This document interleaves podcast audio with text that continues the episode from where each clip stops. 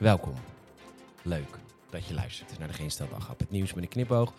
Met vandaag iemand die in een sneu kamertje een podcast opneemt... terwijl het hele dorp in de kroeg zit te zuipen omdat Mark Verstappen gewonnen heeft. Terwijl er op de Slack van Geen Stel allemaal leuke filmpjes voorbij komen van redactieleden die daar wel zijn. En dit is het nieuws van zondag 4 september.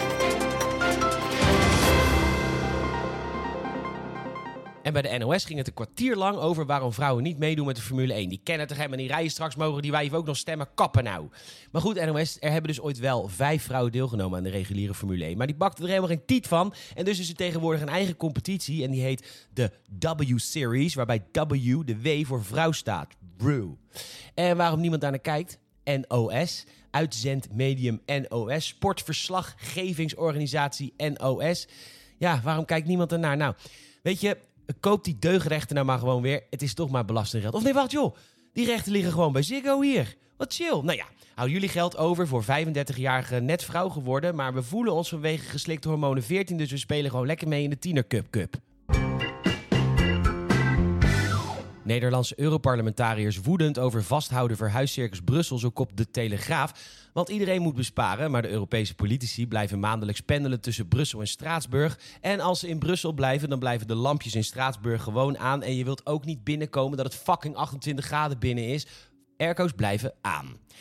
En de kantoorspullen verkassen ook altijd mee met vrachtwagens vol uh, kantoorspullen. Maar is het niet wat gemakkelijk en populistisch van deze Nederlandse Europarlementariërs om daar zo boos over te zijn? We zochten het uit en wat blijkt nou? Er is onderzoek naar gedaan en het zou 103 miljoen euro per jaar besparen. En dat is slechts 6% van de begroting van het parlement. En dat is weer maar 1% van de administratieve begroting van de EU. En dat is weer maar 0,1% van de totale EU-begroting. Ja, waar lullen we dan over?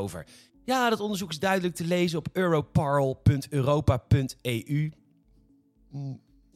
Ah, Oké, misschien heeft de website naam met erin drie keer EU de schijn een beetje tegen. Gelukkig heeft ook de Rekenkamer onderzoek gedaan. En die kwam ja, ongeveer neer op hetzelfde. En daar kun je weer alles over lezen via european-union.europa.eu en dan bij European Court of Auditors. Dus lul niet populistische eurofielen. Lekker blijven trainen.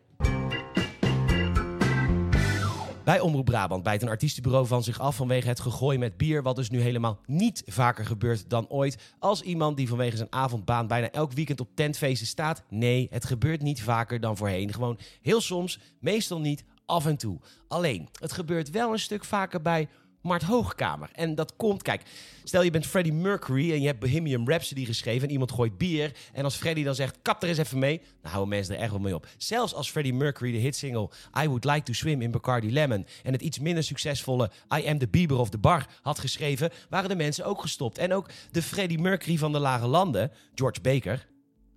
Wat dan? Het is gewoon waar. Die zou ook dat respect krijgen, maar bij Martje anderhalve hit en het toontje. En inmiddels 6.995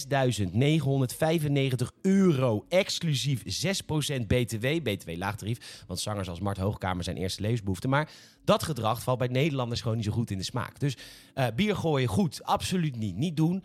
Maar door het artiestenbureau geïntroduceerde slogannetje...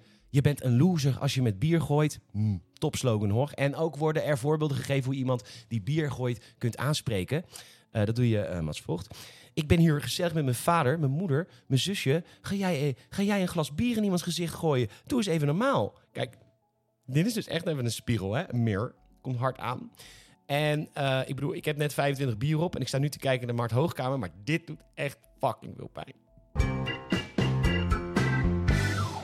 Bedankt voor het luisteren. Je zou ze enorm helpen als je een vriend of vriendin of familielid vertelt over deze podcast. Je kan ook een Apple Podcast review achterlaten en dat kan natuurlijk ook via Spotify. Nogmaals, bedankt voor het luisteren en tot morgen.